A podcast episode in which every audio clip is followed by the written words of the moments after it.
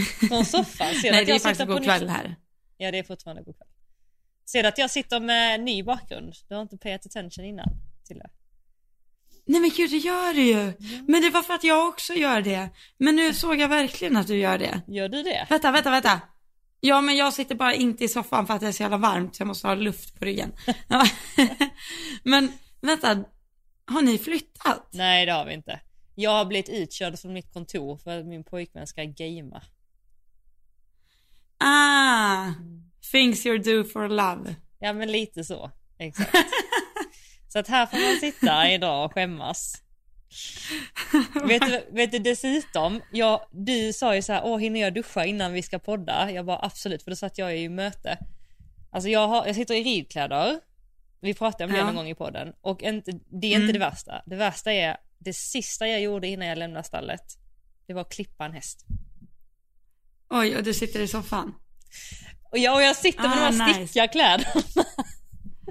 Klä av dig bara. Bara dra av det. Ja, men jag kan egentligen bara Det är alltså, ingen dra som med allt. ändå. Nej, det är bara du. Ja, Du har redan sett allt. jag har redan sett allt.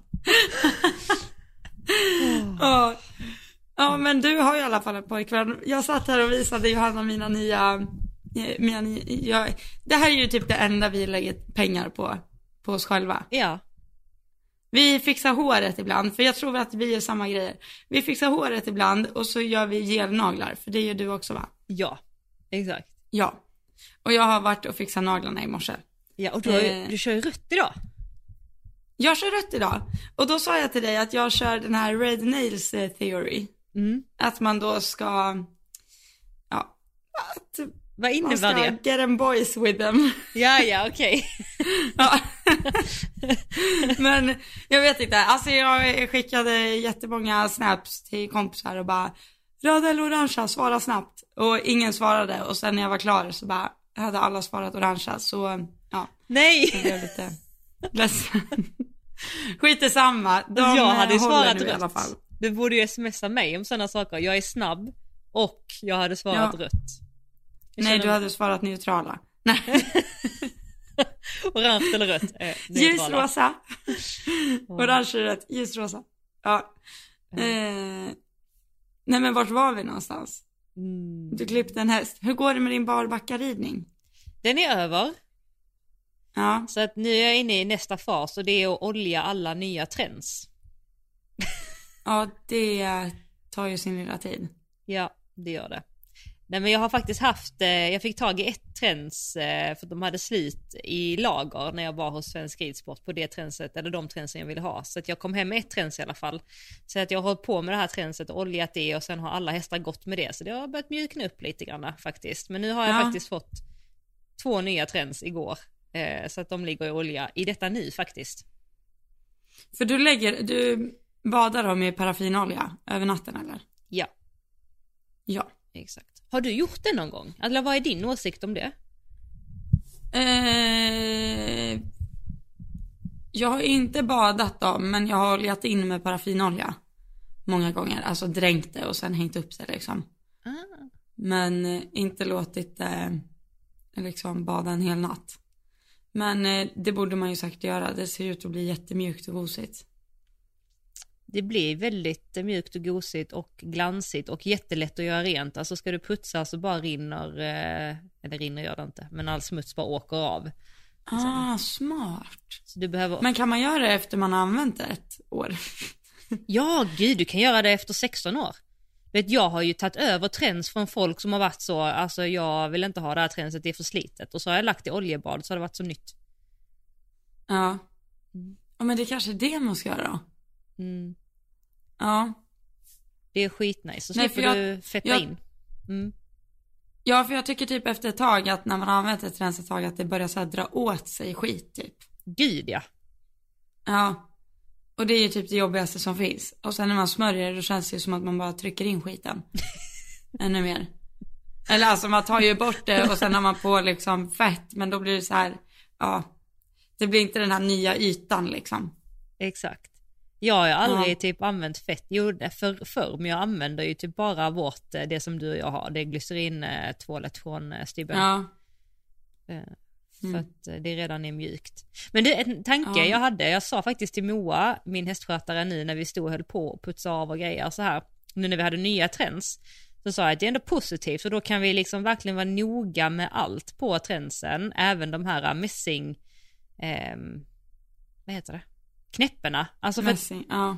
för jag märkte på mina eh, trends som blev stulna, de gamla, då var liksom mässinget ganska lortigt. Alltså det var typ så här, det såg ganska dassigt ut och det hade ju gått att putsat upp men det Mm. hade ju varit meck alltså.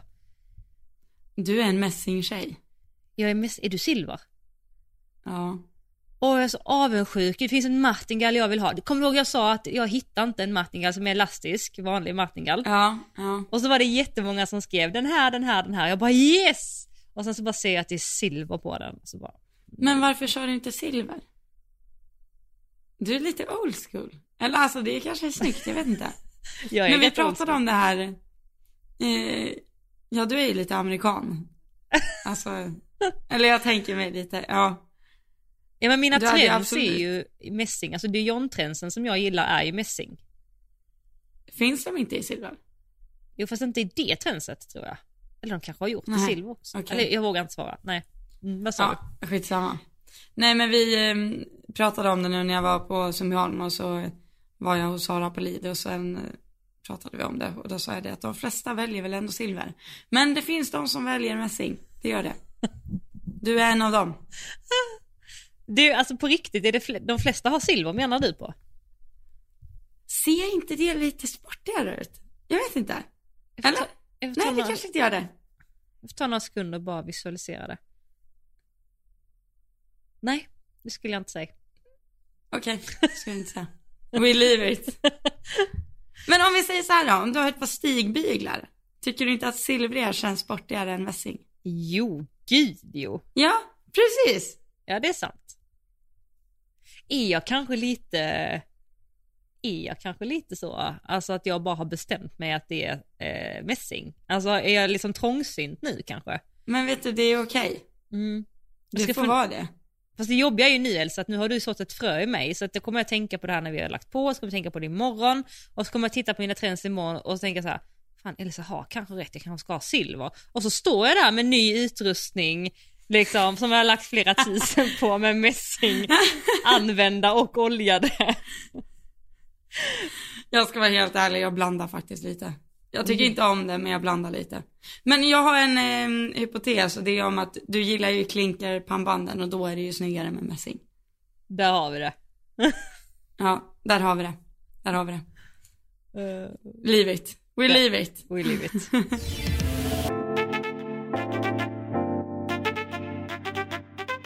Jo, just det också Elsa. På tal om, du frågar mig om hur det går med barbackeridningen. Eh, och innan jag svarar på det så vill jag också bara säga det du redan märkte idag. Jag eh, tog ju efter dig eh, med deltatygen idag. Ja, jag såg det Ja, på Instagram. berättade du om det i podden exakt hur du hade gjort eller? Vet folk vad vi menar?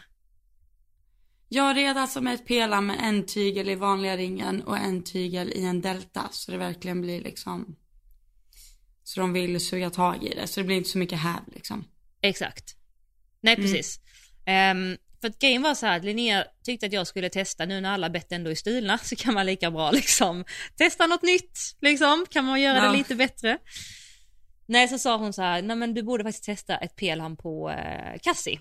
Och jag bara så, ah, är du säker? Alltså du vet så här, för jag känner typ, du vet när jag tar en förhållning ibland, det som är typ största problemet med henne eller har varit att hon kan ibland få lite typ, nu överdriver jag när jag säger panik, men lite så här, alltså du vet att hon nästan, alltså hon får lite panik av att hon kanske blir rädd för något. Och sen om jag tar i munnen då, då kan hon, jag känner att hon får panik av att jag tar i munnen. Du vet så.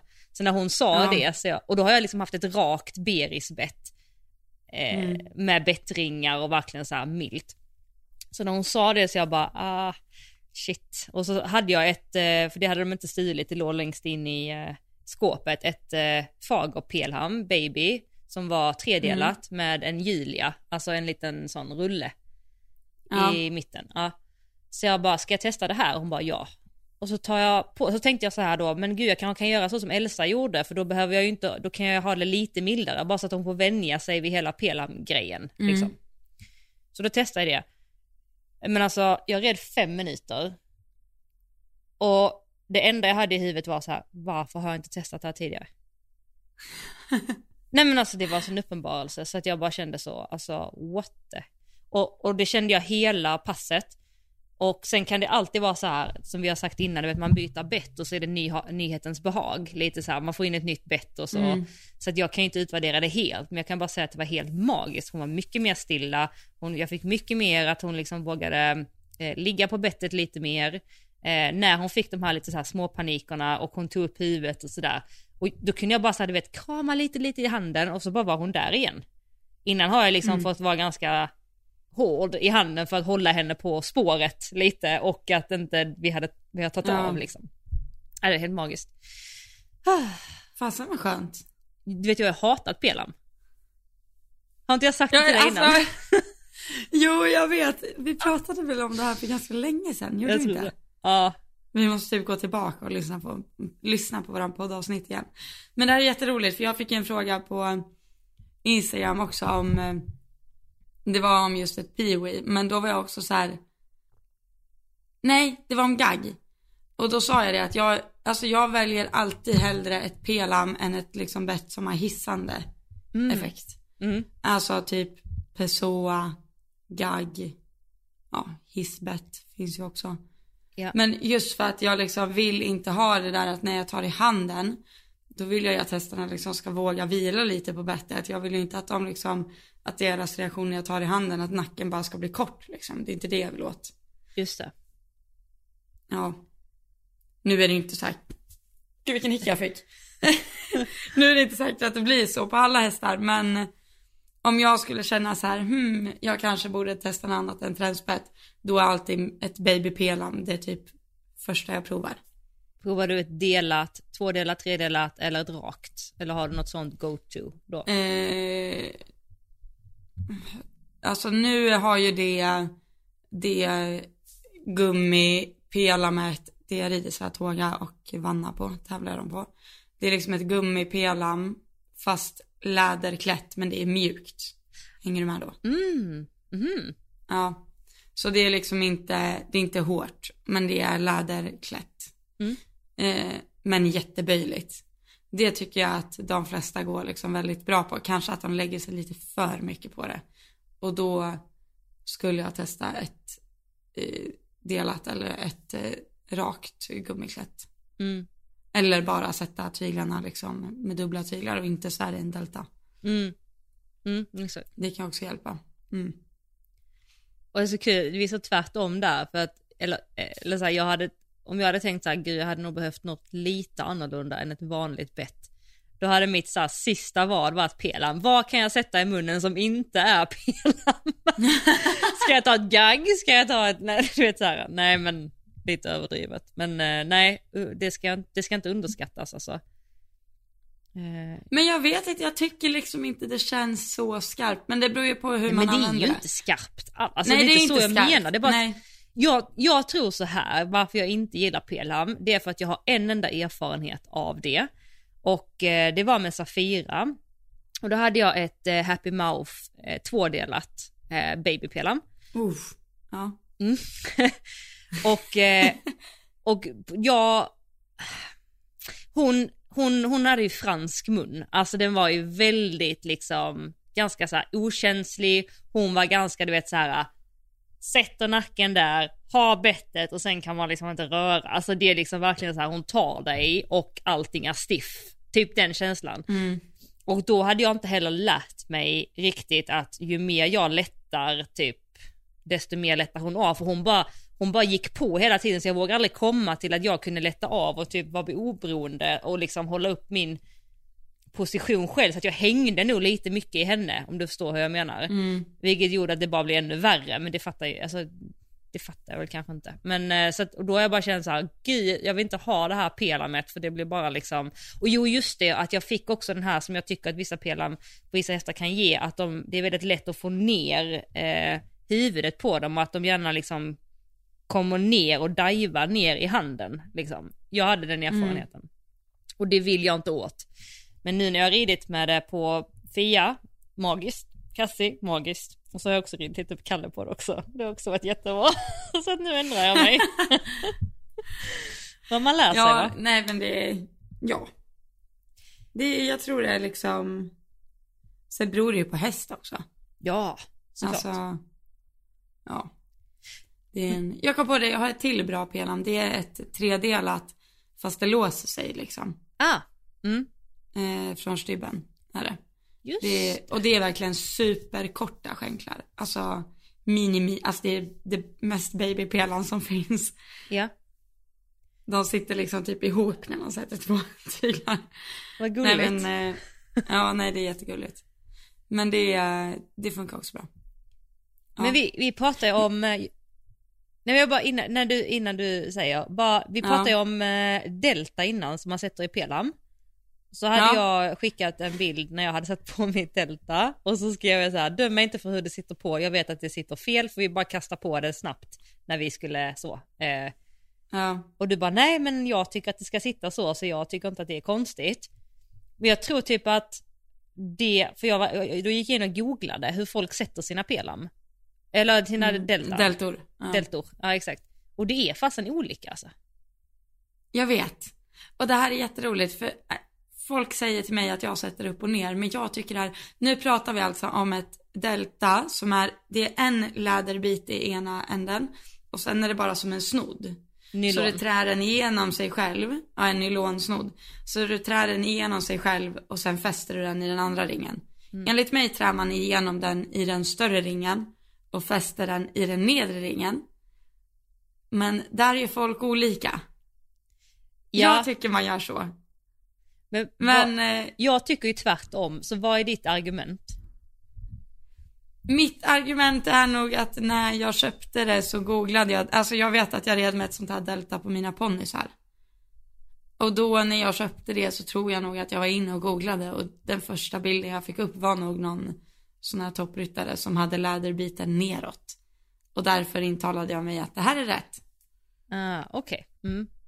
Ja, För det är ju jätteolika, alltså, alltså- man ser ju både och. Alltså min teori, varför jag tänker tvärtom, är ju för att den lilla ringen är ju liten och då ska den lilla nylonen, den är lite mer såhär neat, den ska vara där. Och den stora ringen Ja. är ju större och då ska läderbiten vara eh, där. Och att inte det kan fastna i, för jag tänker att om eh, läderbiten sitter i den lilla och tydligen skulle pendla framåt och typ fastna i den läderbiten. Alltså nu är det väldigt långsökt.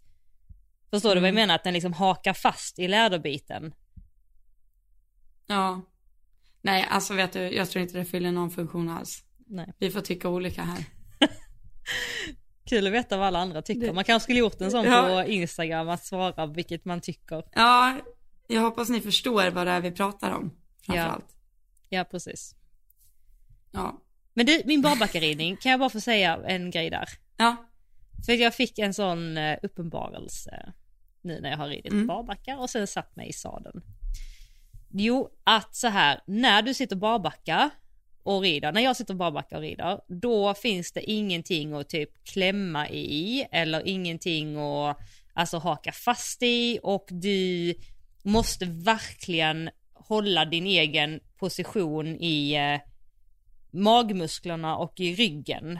Alltså Mm. typ så. För du kan liksom inte hänga i hästen, du kan inte hålla balansen i hästens mun och du kan inte hålla balansen i sadeln utan du måste verkligen bara så här slappna av och så bara sätta på Bara landa. Exakt. Och du måste framförallt också sitta på rumpan, alltså på sittbenen. Alltså så. Mm. Vi har ju pratat om att jag hellre sitter lite fram, alltså mer mot muffen. Eh, Jag sitter inte på muffen, Ja. men lite mer åt det hållet än på själva assholet så att säga. Mm. Och eh, nu har jag ju varit tvungen att göra det när jag rider barbackar. Så nu när jag sitter i sadeln så får jag en sån sjuk uppenbarelse. Jag bara shit vad jag har suttit och typ smyghållt i mina hästars mun. Alltså jag skäms så sjukt mycket av att säga det här. Alltså jag skäms jättemycket. Men jag har liksom inte haft en oberoende position. Så att nu, Nej. alltså så nu när jag sitter där, då tänker jag verkligen på så här, gud jag har ju liksom inte ens kopplat på alltså magmusklerna så mycket som jag hade behövt eller typ ryggen utan jag har typ så här hållit min position, alltså jag tror att jag har hållit balansen genom att spänna rumpan. Nej men alltså jag vet inte hur jag ska säga detta liksom på något sätt men jag har liksom suttit fixerat men inte med hjälp av min över, överlinje tänkte jag säga, men överkropp. Mm. Så att armarna, alltså mina händer har inte varit oberoende av min kropp utan armarna har hängt ihop med ah, kroppen. Det... Mm. Nu hänger jag med. Men grejen är att jag tänker ju när man hoppar, alltså när du rider. Om du säger att du är inne på banan och rider. Då håller du ju lite det är ju jättefel att säga att hålla balansen i handen. Nej men du har ju hela tiden menar. ett drag. Men du har ju hela tiden vikt i handen. Ja. Men ja, du kräver ju fortfarande sjuk core stabilitet. Ja. Alltså jag tänker framförallt är... på marken, om hästen lättar av. Alltså vet du, om jag gör en förhållning och hästen ger, ger efter eller så här och jag vill lätta av. Då måste jag ju alltså vara oberoende med händerna från kroppen för att kunna lätta av utan att rubba min position. Mm. Men då har jag använt ja, mitt... Gud, ja.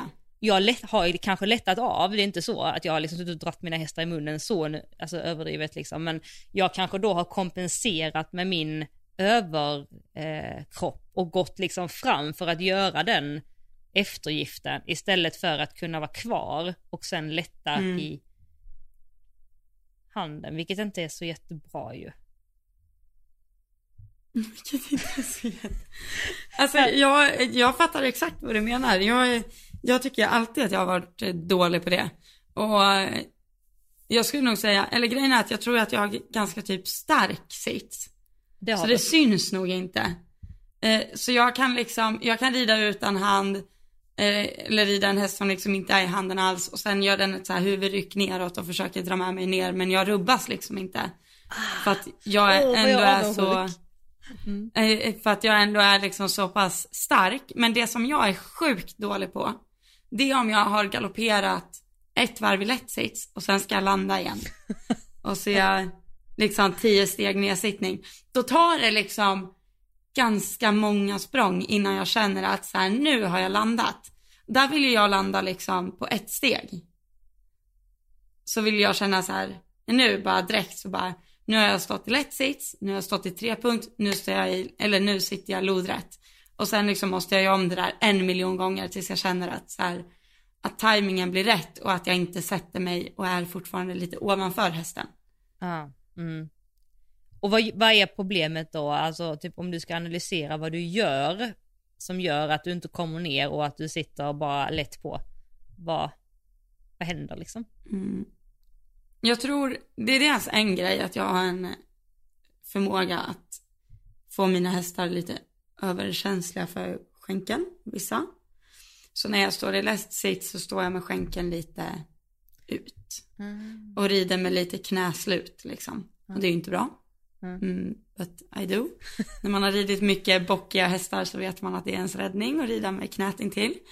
Uh, så det är nog det första. Och då om jag sätter mig i lodrätt sits med knät intill då har jag ju ingen chans att landa på sittbenen liksom. Mm. Utan jag lär ju få bort knät. Och då blir det ju också så här att när jag sätter mig i sadeln och tar bort knät då kommer ju underskänkel in till. Mm. Och då får ju inte min lodräta sits den hjälpen som jag vill ha. Jag vill ju ha samling liksom men då kommer skänkeln om och så blir hästarna lite så här, ja, så. Mm. Eh, jag tränar ju på det här hela tiden liksom. Men just när jag står i lätt sits så vill jag gärna hålla knät intill. Och det är så tydligt också, så hoppar jag och kommer mot hindret i lätt sits, då kan jag bli hoppad ur sadeln. Och det här märkte jag i helgen. Okej. Okay, och det händer inte jätteofta, men det hände i helgen. Eh, Saratoga hoppade väldigt, väldigt väl och henne försöker jag ju vara jag vill ju inte riktigt landa på henne för att då sätter jag så mycket tryck. Men då måste jag ju stå i lätt sits utan knäslut. För över, har du knäslut över hindret då blir du ju hoppad ur sadeln. Du måste ju hoppa med stöd i stigbygeln. Och jag är nog ganska duktig på att så här, ta till mig det. Så det hände en gång första rundan. Eh, jag hoppade räcke, räcke kombination och så skulle jag liksom backa av och sätta höjd. Och hon satte ju liksom extrem höjd. Eh, båda de sprången. Eh, var jättefelfri, hon var jättefin 1.30 där på fredagen. Och sen red jag 1.30 med laget på lördagen och då tycker jag min position var bättre.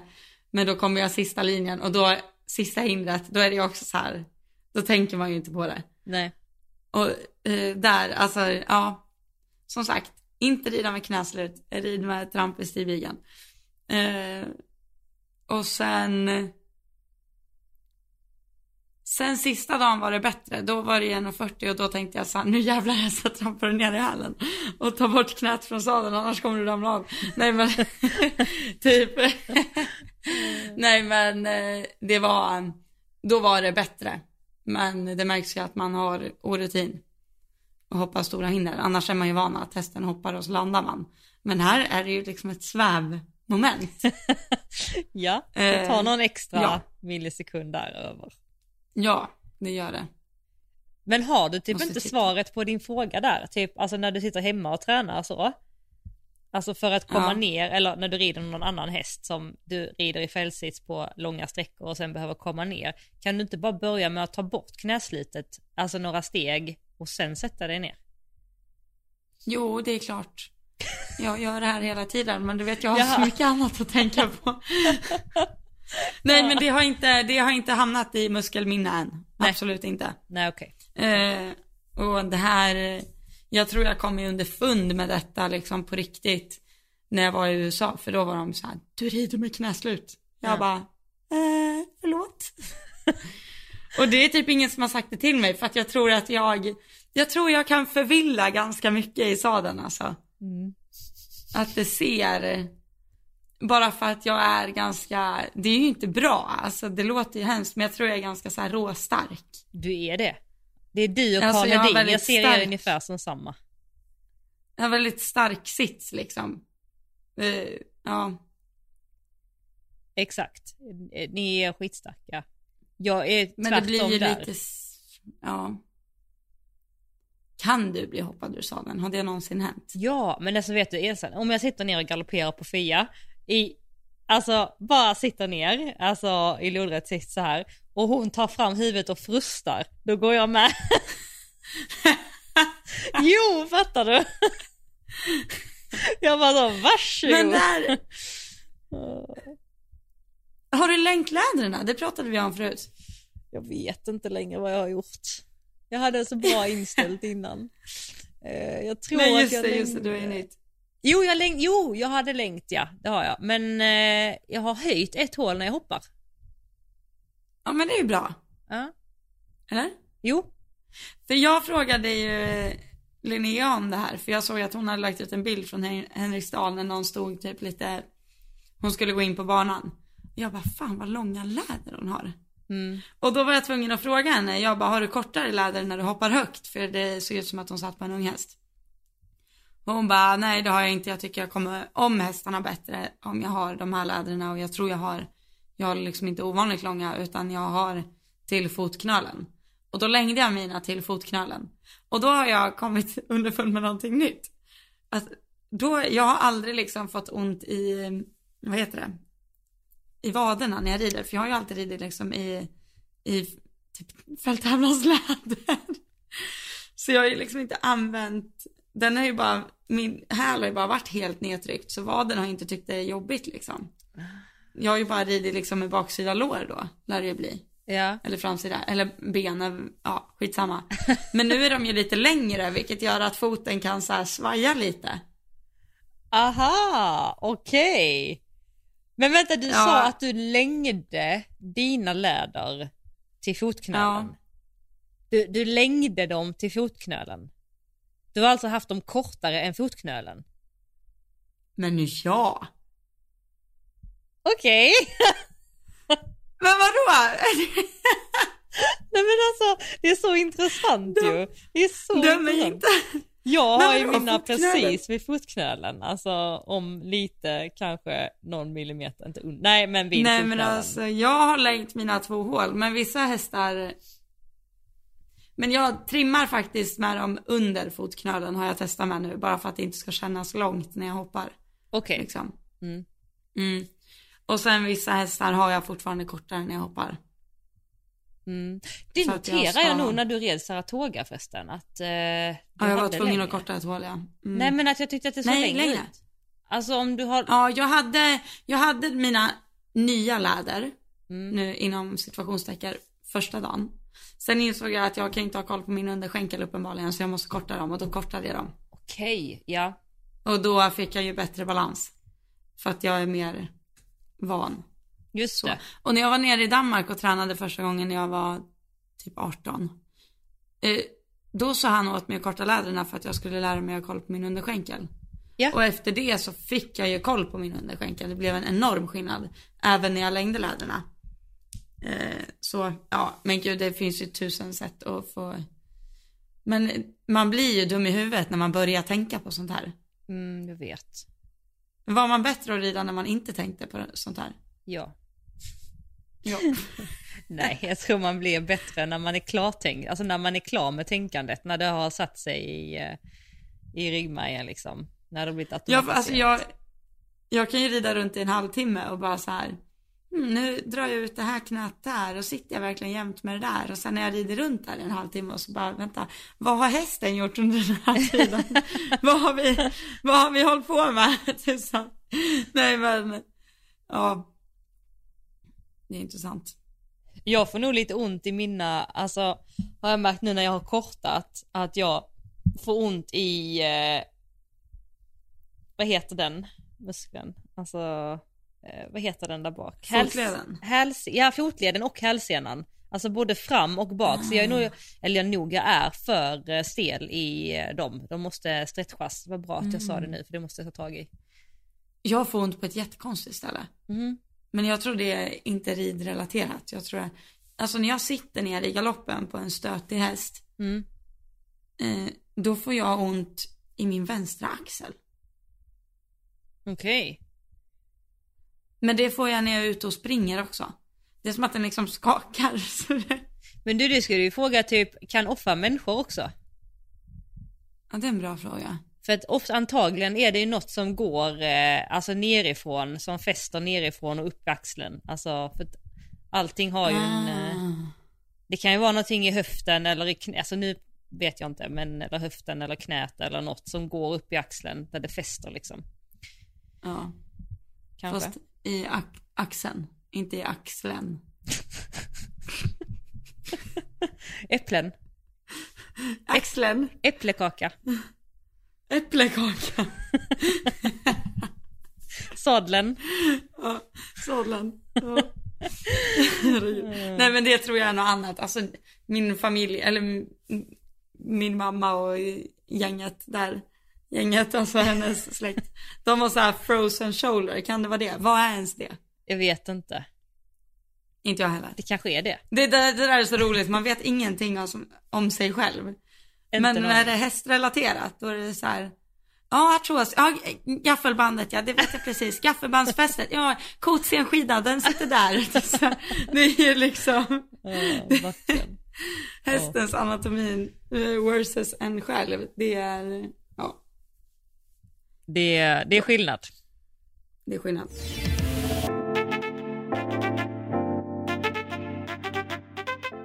Men sen har du ju tävlat i helgen eh, också. Hur, alltså, hur många starter har du gjort egentligen? Har du räknat? Mm.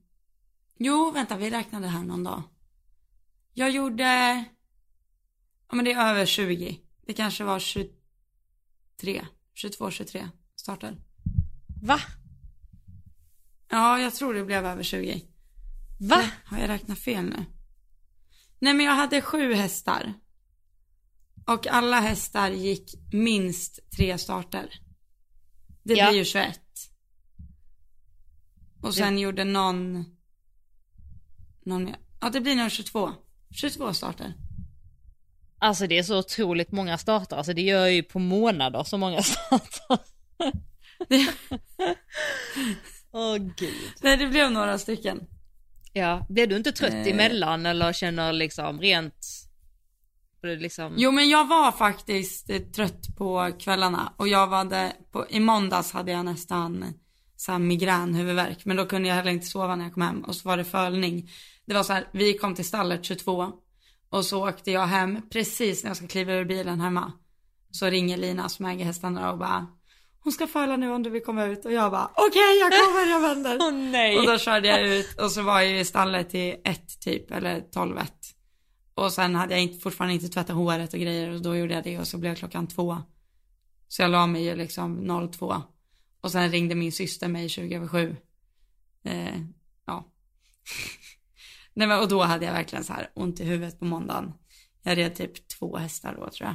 Eh, Mm. Ja. Eh, ja. Men eh, jo, jag blev lite trött i huvudet. Det blev jag nog. Ja. ja, det är med all, all rätt alltså. Men eh, Mm. du red ju Saratoga i Allsvenskan och ni gick vidare till semifinal va? Jo men det gjorde vi. Vi vann ju andra omgången. Då var vi ensamma felfria. Så grymt. Ja det var helt, alltså vi var, första tre ryttarna var felfria. Så hon som var eh, sist ut behövde inte ens hoppa liksom. Skönt. Så hon gick in och tog några språng och utgick. Ja. Eh, och sp- sparade sig till en eventuell omhoppning men det blev det inte ändå. Nej. Så eh, ja. Och sen eh, red vi också omgång två. Nej, tre. Förlåt. Sista omgången. Och eh, när jag gick den banan så tänkte jag så här. Det är stort. Det är tekniskt. Men det är liksom inte. Det är inget konstigt. Det var så här. Fram lite på fyra där. Tillbaka lite på fyra där.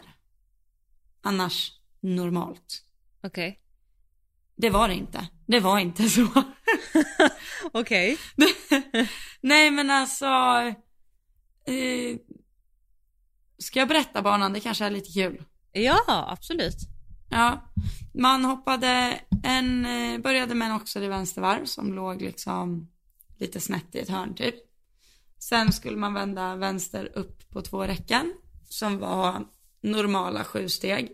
Räcke, räcke. Så var det bara tre så här ensamma bommar i luften på båda. Eh, så det var lite balansera. Eh, och hade jag tänkt till här, då hade jag kunnat tänkt att det är folk som har gjort åtta här. Jag kom fram jätteenkelt på sju. Nästa linje var oxer, dogleg sex steg till kombinationen.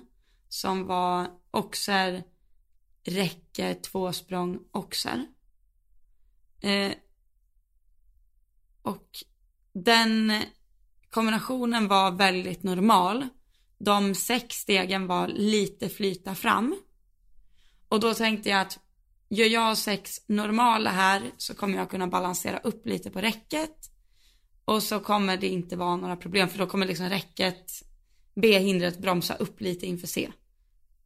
Eh, det var min plan. Eh, den höll inte. Okej. Nej men där hade jag kunnat tänkt lite från början liksom. De, jag fick hålla lite väl mycket på de sex. Mm. Eh, som var lite fram. Och det hade jag ju kunnat tänkt då i och med att folk gjorde åtta, det och gjorde sju innan. Mm. Eh, så de blev lite väl mycket bromsa, vilket blev att B-hindret bromsade inte så mycket för mig. Nej. Utan hon gjorde ju liksom världens jävla megaskott där på B-hindret. Och då landade jag för långt ut bakom B-hindret. Och då tog vi fram bommen på oxen som var C-hindret. För att, ja men hon fick inte plats liksom. Mm. Eh, och efter det så fick jag ju lite wake up call att oj då. Den här lilla hästen är väldigt, väldigt, väldigt storgalopperad. Mm. Eh, och sen hade jag två räcken på fyra steg eh, som var korta och sen var det fram på fem och där red folk som attan framåt ibland, eh, några. För att de fyra var väldigt ihop och där fick jag fyra mega ihop. Alltså där fick jag verkligen tänka till att okej jag måste hålla ihop. För jag vet att den 1.40 jag red inomhus då var det så här shit jag får verkligen börja galoppera nu. Och jag har ju bara ridit två 1,40 innan. Och den 1,40 jag gjorde ute för några veckor sedan, den var bara hålla distanser. Då tänkte jag shit det här är bara hålla när jag gick den också. Mhm. Medan den här var inte alls så, tänkte jag. Men det blev ju väldigt mycket att hålla. Och då hoppade jag in över räcket. Eh, och sen var det fyra steg till nästa räcke. Och sen skulle jag göra fem fram. Och där hittade inte jag någon distans för hon har hoppat för mycket uppåt. Så jag gjorde faktiskt sex ut där. Och eh, tack Saratogas scope för det. och sen var det lite andningspaus i en vänstersväng. Vi gillar ju vänstersvängar. Eller jag gillar vänstersvängar. Eh, och sen var det liksom sista svårigheterna för det var och då kommer det en kombination räcke också lite hålla. Eh, den var ganska kort. Eh, eller det gick inte att komma stormande in i alla fall. Den gjorde hon jättebra tack vare att jag då hade fått hålla där på linjerna innan. Och sen var det fram på fyra till en planka och här behövde jag inte ens tänka framåt. Och här Så liksom red ju folk med armbågarna för att göra fyra. Och det, många gjorde väldigt enkla fem också. Men alltså jag Oj. är liksom lite mjuk och jag behövde till och med balansera lite sista. Va? Alltså hon har så stor galopp den här hästen, jag förstår inte. Nej. Och sen var det två oxrar och där gjorde jag sju steg på 34 meter. Okej. Hon är, hon är storgalopperad. Ja, Har shit. jag. Ja. Men hon faller också lite åt höger och de två sista oxrarna var i höger båge. Ja. Så den blev ju inte 34 meter för mig. Men Ja. Ja. Mm. got, you got me. Men sjukt bra Yes. erfarenhet för dina kommande 140 nu. Att du har fått Ja, den gud, lite ja. insikten. Ja. Och också så här att man verkligen måste, eller i alla fall när man är på min erfarenhetsgrad, att jag måste nog liksom efter varje svårighet, om det finns tid för det. För jag märkte att där jag gjorde det som bäst, det var ju när jag hade den där lite längre svängen och jag faktiskt här andades lite, landade i vad är min nästa uppgift. Mm. Att jag måste nog typ dela upp det lite än så länge. Jag kan inte hoppa den där tre kombinationen, sen rida snabbt. Alltså, jo det är klart man kan, men när man rider på så mycket högre nivå mot vad jag är van vid, då blir det som att typ komma ihåg två banor. För det är inte det att du bara ska komma ihåg banan, utan du måste verkligen komma ihåg din plan på en helt annan nivå. Det är inte så här, hmm, jag måste alltid minnas att hon ska gå fram i landningen. Eller jag måste alltid minnas att jag måste backa av lite i landningen. Utan det är verkligen så här, hur ska jag krama på min höger, högertygel över det här hindret? För att jag inte ska få ett följdfel två hinder bort typ. Mm. Mm. Det behöver man ju inte tänka på i en 10. Nej. Precis. Eh, ja. Nej men det är, eh, nej men jättebra erfarenhet, verkligen. Mm. Och jag är, eh, jag skickade videon till Linnea sen. Och jag var inte jättenöjd. Var jag faktiskt inte. Jag var nöjd med sista delen av banan. Eh, och då sa hon att eh, du gjorde det du behövde göra och detaljerna finslipas på. Och jag kände väl typ lite så också. Att eh, jobbet blev gjort men det var absolut det finns utvecklingspotential om man säger så. Men eh, det var ju en, eh, jag har ju inte ens ridit någon 1,35 på henne. Om jag ska vara helt ärlig. Nej, just Så det. jag har ju bara ridit 1,30 och 1,40. Och när man kommer ut i en 1,40 sådär nationellt i en elitomgång, den är ganska mastig. Mm. Ja, du vet, du sa det. Det var en stor 140. den Ja, kändes. den var, alltså den kändes. Ja, det gjorde den. Är det din tredje 140? Alltså det är inte min tredje 1,40 men det är ju Nej, min och hästens Ja, tredje. exakt. Ja, det är det. Mm. Mm. Shit, det är inte Det är många det. ni har i uh, ryggen alltså. Så, Nej, det är inte många vi har i ryggen. Och tänk ändå kunna ha det, den känslan av att man löser det. Alltså du får jobbet gjort. Som du säger, det finns utvecklingspotential. Det går att finslipas, det kan göras snyggare här och där. Men ni får det gjort på ändå hyfsat rätt sätt. Med så lite erfarenhet. Du red liksom Ja, nej, ja, det är- 20 för ett år sedan. Ja, gud ja. Mm. Nej, vi hade inte ens debuterat 1.30 för ett år sedan. Nej, exakt. Så, eh, ja, nej men det är ju också en helt magisk häst. Det, ja. Och det känns ju fortfarande inte som att hon liksom anstränger sig. Nej. Det gör inte det alltså? Alltså, nej, alltså hon hoppar ju större och liksom, men hon hoppar ju aldrig så pass stort att jag känner så här, oh den där bakbommen blir svår att täcka liksom. Nej. Eller hon har, ja hon har ett helt fenomenalt sätt att liksom använda sin kropp på.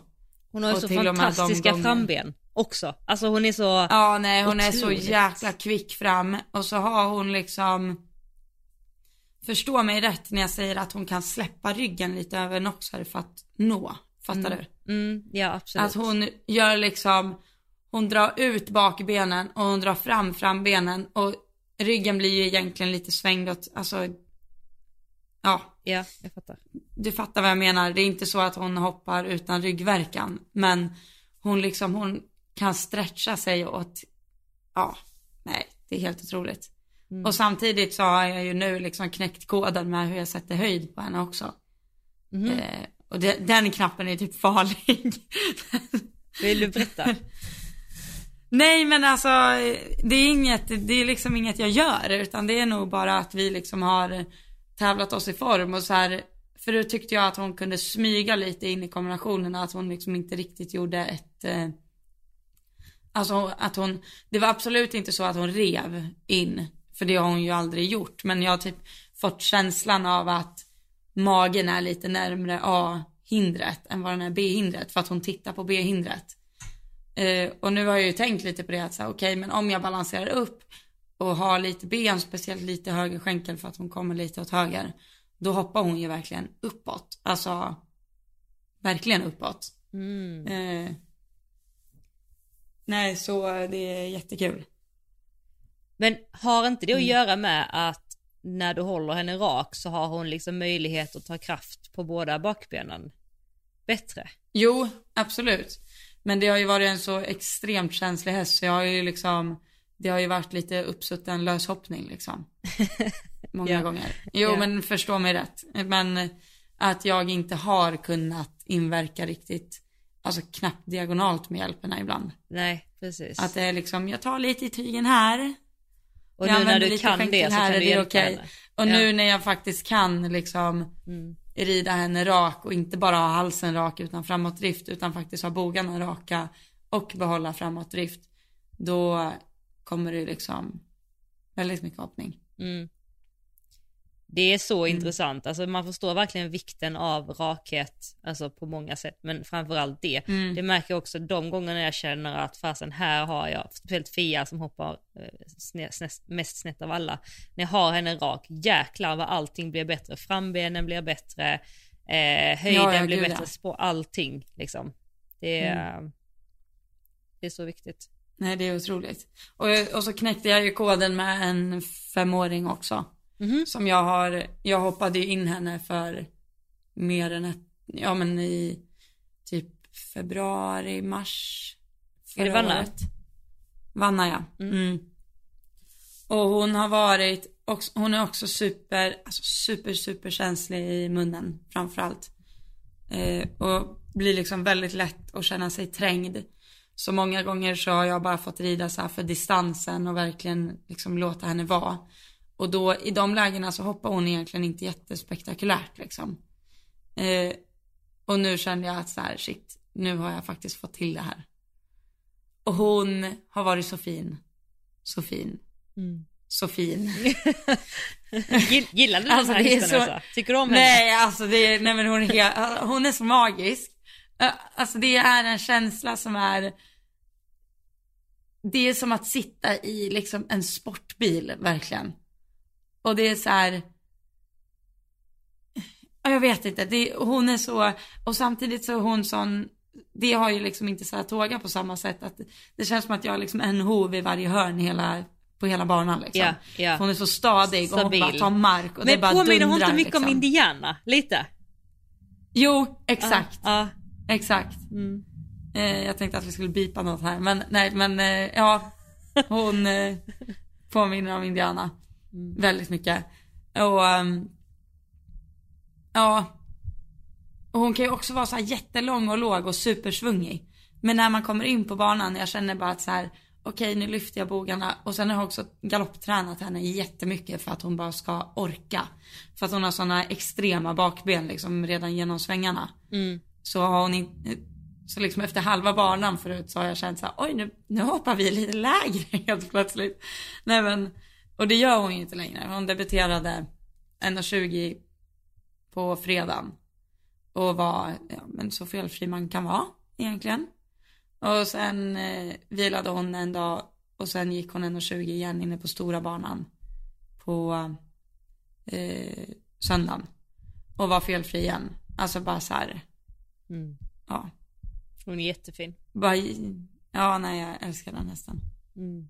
Det är också, också sättet hon liksom letar hinder på. Jag måste, jag ger mig själv en klapp på axeln där för min inhoppning. Jag trodde faktiskt inte det skulle bli så bra. Som det blev. Nej. Nej, inställningen på henne är. Och sen har jag fått hem en ny femåring. Eh, från Skåne faktiskt. Jaha. Eh, som vi skulle ha på försäljning. Men eh, vem vet, den kanske blir kvar nu. Får hoppa fast på för hon skrällade ju och var felfri i 220 också. Ah. Nej, jätte, jättekul. Också ett sto med helt fantastisk inställning. Naomi heter hon. Ja, precis. Ja, men jag såg henne Mm. i resultatlistan. Ja, men jag eh, tänkte så, vem är det här? Så Mm. mm. Mm, jag får kolla på henne. Ja, nej men det blir, eh, nej men det är en jättefin häst. Också så här supersportig modell och ja. Jag, jag känner ju henne knappt än. Hon är bara fantastisk. Ja, okej. nej men jag har bara haft henne i tre veckor. ja. Eh, men eh, helt otrolig. Ja. ja, vad roligt. Mm. Men, Det är ehm, jättekul. vad sa du? Nej det är jättekul. De har varit super. Super, super, Du super. rider på många fina hästar nu du. Ja det är helt, man, vad heter det, nyper sig i armen. Heter det så? Ja, exakt. Ja, många gånger. Det är helt sjukt. Jag kollar fortfarande på videorna. Ja. Nej, nej, det är liksom... Nej, det är orimligt. Och Lasse var felfri också. Ja, just det, det var han ju. Så roligt. Gud vad glad jag blev för din skull när jag såg det. Han hoppar jättefint. Ja, nej, jag... Ja, han gjorde faktiskt många liror. Det var så roligt för det, jag la ut ett klipp på Instagram när han hoppade ett räcke där. Och han hoppar ju typ hinderstöden ut liksom. Och när jag hoppar det, då ligger solen på från ena hållet. Och så ska jag vänster. Eh, så jag kollar vänster, så jag ser till och med hans skugga liksom. Jaha. Över hindret. Jag vet inte hur.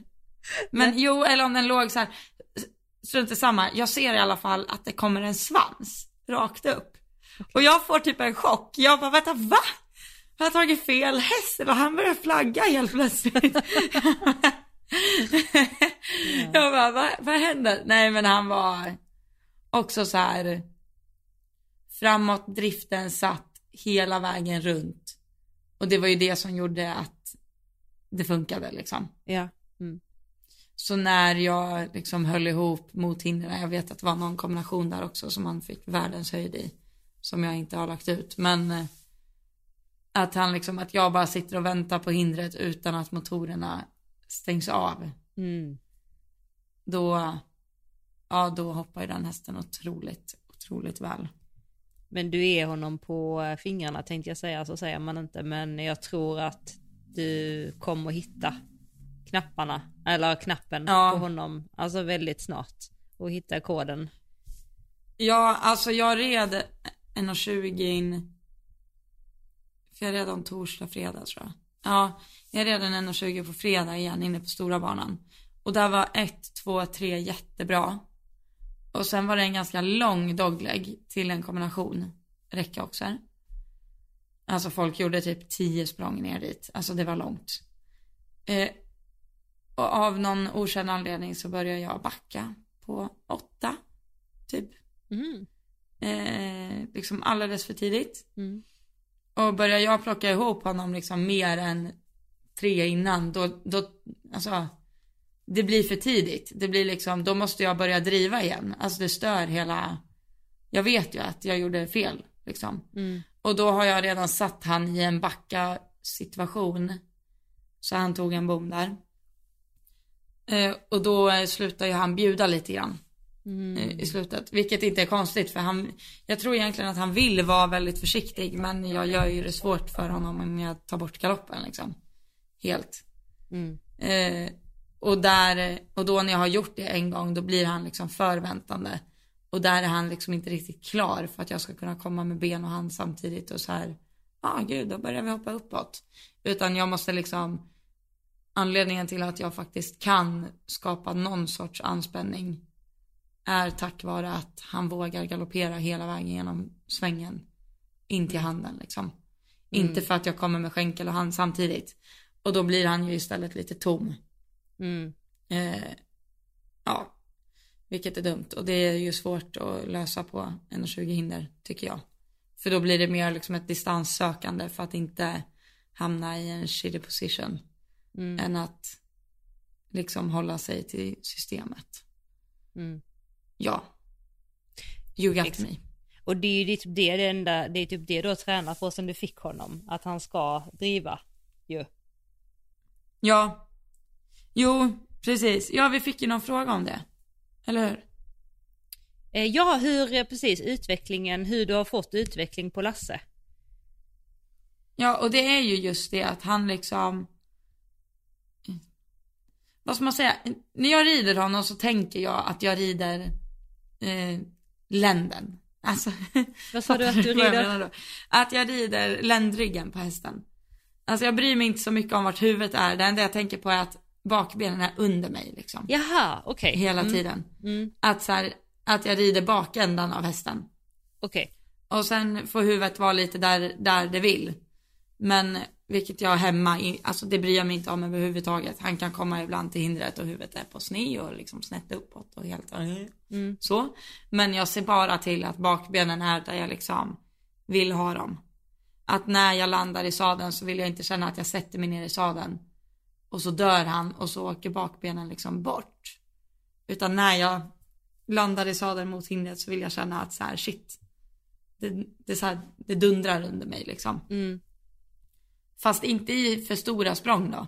Nej, men varvtalet Men är att- kvar. Eller att det är liksom... Varvtalet är kvar. Mm. Och det handlar liksom om, om man tänker från mitt säte till svansen. Det är liksom den biten Mm. jag vill ha under mig. Mm. Det är egentligen liksom inte att jag vill ha honom kort framför mig. Nej. Utan jag vill bara känna att så här, när jag sätter mig här så fattar han att han bara ska fortsätta driva på under mig. Och det där vet jag att jag pratade, jag tror vi pratade med André om det också. Att rida med ett dressyrspö eh, och använda det uppe på korset nästan. Mm. Alltså så att hästen får, vad ska man säga, jag sitter här och så här gestikulerar med händerna. Men att de blir snabbare från marken med bakbenen. Ja.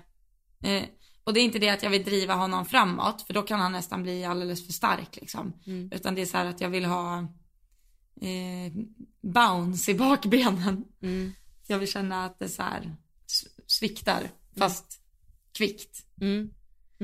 Ja, det är väldigt, Så det är det du har suttit och jobbat hemma på och det är det du känner har gjort skillnaden? Alltså för jag tänker hon Ja, tänker för- nog på den videon du la upp med ett års Mm. skillnad eller vad det nu var. Men Så- där ser man ju väldigt tydligt på den, att när jag sitter ner på första videon så är ju hästen fortfarande väldigt lång. Mm. Ja men då kan man gå liksom tillbaka och titta galopperar, Mm. ja bakbenen galopperar liksom bakom mig. Eh, och på den andra videon så även fast han går till och med i korsgalopp då till det hindret. Men det är lite skit samma att han är i kors för han driver fortfarande. Ja, ja, Han ja. liksom är, eh, ja. Och jag skulle nog säga att det är det jag har gjort hemma, massa tempoväxlingar.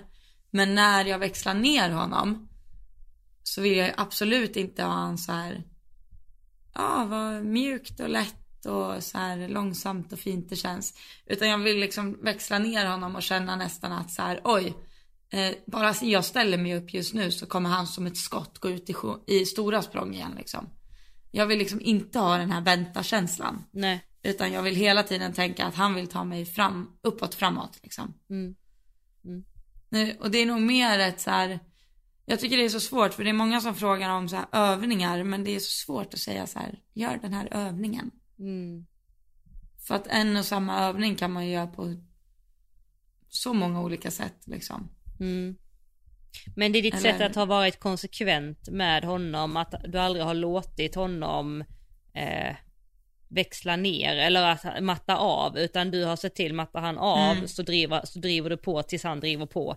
Och sen liksom så har du Precis. liksom varit konsekvent med den delen tills det har blivit mer automatiserat och han gör det mer. Han Mm. orkar det för att ni har tränat på det och han fattar konceptet mer. Typ. Jag gör till exempel aldrig galoppskrittövergångar med honom. Nej. För att om jag saktar av från galopp till skritt då blir det så här. Mm. Mm, jag kan Då se blir det bara- mig. Alltså då är det som att man stänger av motorn på bilen liksom i Ja. uppförsbacke. Ja. Typ. Ja. Nej men alltså det känns ju typ som att det går baklänges. Man så här tappar balansen framåt. Man bara oj, oj vad snabbt vi bromsar. ja. Nej men eh, han är inte så längre. Nu är han ju till och med liksom stark och på och het nästan ibland. Men eh, Okej. ja. Eh, det är, han är den typen av häst liksom. Mm. I naturen. Och Jag kan typ tänka mig att så här, Kalle var så när du fick han eller? Men Nej. gud, ja, han är så fortfarande. Ja. Det är exakt det jag jobbar med honom. Ja. Men tänk sen när du sitter ännu mer, han är ännu starkare och du kan ha allt det här och i en ännu starkare galopp och du kan börja alltså inverka, typ som vi pratade om så här att ehm, ha lite lä- alltså, ehm, större avsprångspunkt, alltså lämna mer plats och kunna supporta, alltså lite re- rejälare utan att det dör där bak. Alltså tänk då, ja. då tror jag att du får fram den här hästen som du tror att du har köpt. Faktiskt. Jo. Det är... Jag tror nog att han kan hoppa hur högt som helst faktiskt. Tror jag. Jo men felfritt också några- tänker jag. Alltså även felfritt Jo men precis. Mm. Ja. Jo men så är det Alltså han kommer ju aldrig hoppa felfritt för att han har liksom har kameror i hovarna. Nej precis, exakt. Eh, utan han kommer ju hoppa felfritt av att han, han kan ridas felfritt. Ja. Liksom. Mm. Eh, och, och där är det också, som du säger med Kalle, att du jobbar med samma sak med Kalle. Men där tycker jag att Kalle är ju typ mer, han behöver liksom inte styrkan för det. Fattar du? Nej, nej det är helt rätt. Han är en helt annan typ och han av är häst. kvickare häst Alltså- också generellt än vad Lasse är. Jo men precis. Och har liksom, Lasse är ju stor liksom. Mm. Och, och det bör ju också tilläggas varför jag köpte honom är att så här, jag vill ha, köpa en häst som jag känner att när jag går in i en 1,50 så kommer den här in, hästen inte bli förstörd av att jag gör någonting fel. nej exakt. Alltså hade jag styrt på 1,50 imorgon då hade han så här, okej Matte, tycker du att det är en bra idé, då gör vi det. Ja, Han är liksom, hans mindset är ju det är guld. det som är guld. Ja, ja visst. Ja. Eh, och Resten får du skapa. Eller lära dig att Ja. skapa liksom. Mm. Ja, och sen är det ju det också att han måste bli stark. Alltså han måste verkligen bli fysiskt orka göra alla de här sprången. Och det är där jag menar att där känns det som att Kalle har det mer naturligt. Även om han inte driver naturligt Nej, så blir inte han fysiskt trött av att hoppa liksom. nej det blir han inte. Nej. Han kan också ha lite mer blod. Alltså generellt. Jo, gud ja. Precis. Att han är, ja. Nej, det, de är ju väl, väldigt olika så. Precis. Men, Men, det med att nej. de liksom slutar driva, att de, att de inte driver av sig själv och gärna slutar driva om inte skänken är drivande. Det är ju exakt eh, Ja. likadant. Mm. Ja, det är intressant.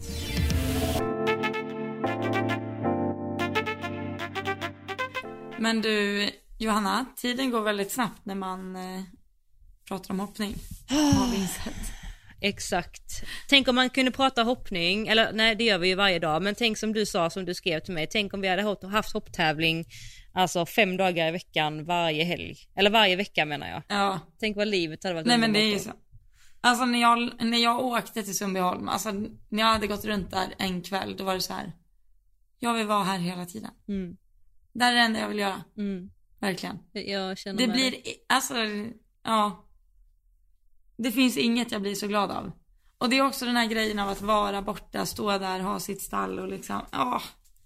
Man har allt man behöver. Man har sina hästar, man har Ja. sin utrustning, man har klasser man ska rida, så man behöver ju ingenting mer. Nej. Liksom. Och sen som du har din groom och bästa vän liksom. Eh, Ja. Ida. Alltså det är ju liksom. Ja. Ja. ja, hon är grym. Men Vet du hur vi löser det här? Nej. Johanna? Vi åker till Spanien ja, i vår. Eller höst. Men vet du vad? Ja, just det. Men du, då, då jävlar lär det swishas. Det får det göras. Nej, men jag är seriös. Jo men jag är också seriös. Jag behöver bara Ja. liksom få tummen ur och kanske ta ett C-kort och investera i, en stor lastbil. Ja, men det här, den här tävlingen skulle vi ha mot varann. Vem som tar först. Ska vi börja nu? Ja men du har ju en C-kortslastbil, jag ska också behöva köpa en C-kortslastbil. Nej, men jag behöver inte. Nej, men du, du tar ju inte kortet med en egen lastbil. Eller jo, det kan du ju, men du kan Jag ju kan ta lika bara, utan. bara ta kortet ja. Alltså det kan man ju lika Ja. bra göra. Det kommer Men nu börjar vi den här tävlingen, Johanna. Idag? Ja. Oj vad jobbigt, nu har vi sagt det offentligt också. Ja, Åh vad jobbigt nu börjar vi. Mm. Ja, Okej, nu hejdå. kör vi. Okej då. Och det här körkortet är ju ganska dyrt också. jag har redan kollat, jag tror det kostar eh, 13 och ett halvt tusen. Men det är mer väl, 20-25 får man väl räkna eller? Nej, jag eh, hittade ett paket här i. Du hittar ett paket, men det är också beroende hur mycket du ska köra ju.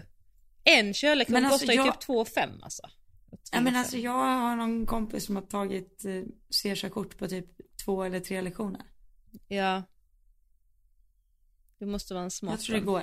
Okej, Ja, ja men de det är ju går. automat liksom.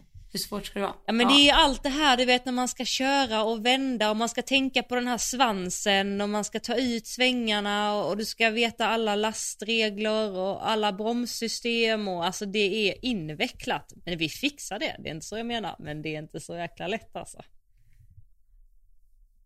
Fattar Okej. du hur många vi har som, som lyssnar på vår podd som har gjort, alltså tagit sitt C-kort och sitter och lyssnar på oss nu och bara, alltså de ska bara veta, så jävla lätt är det inte.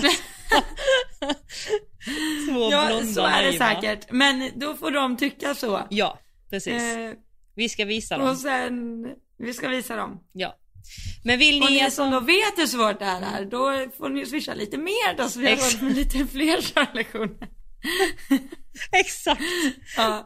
verkligen. Nej. nej men gör det, fastän var kul att om vi hade också, hade vi varit på, alltså i Spanien några veckor så hade vi poddat varje vecka därifrån också så att det här är ju också content för, eh, Ja, För- det här är content. mm, det är det verkligen. Nej men eh, vänner, ni vet vi är astacksamma om ni vill swisha denna veckan. Eh, en liten, en liten tia eller två Verkligen. kanske. Och tusen tack för att ni lyssnar. Framförallt. Det är fantastiskt. engagerar er, skicka frågor. Mm. Jag var på en föreläsning i Värmland igår, alltså det är liksom var varannan person som kommer och säger ja jag lyssnar på er podd, liksom den är helt underbar. Ja, det är, ni- man är på tävling också, det är jätteroligt. Det är så jäkla Eh. kul, ni är helt magiska. Ja, Eh, magiskt. Men ni kan ju det här vid det här laget, men för er som ännu inte kan det så är vårt swishnummer 1232 981 231. Står här nere i poddbeskrivningen och även på vår poddinsta Elsa O. Johanna. In där och följ om ni inte hänger med där, för där lägger vi upp saker vi pratar om.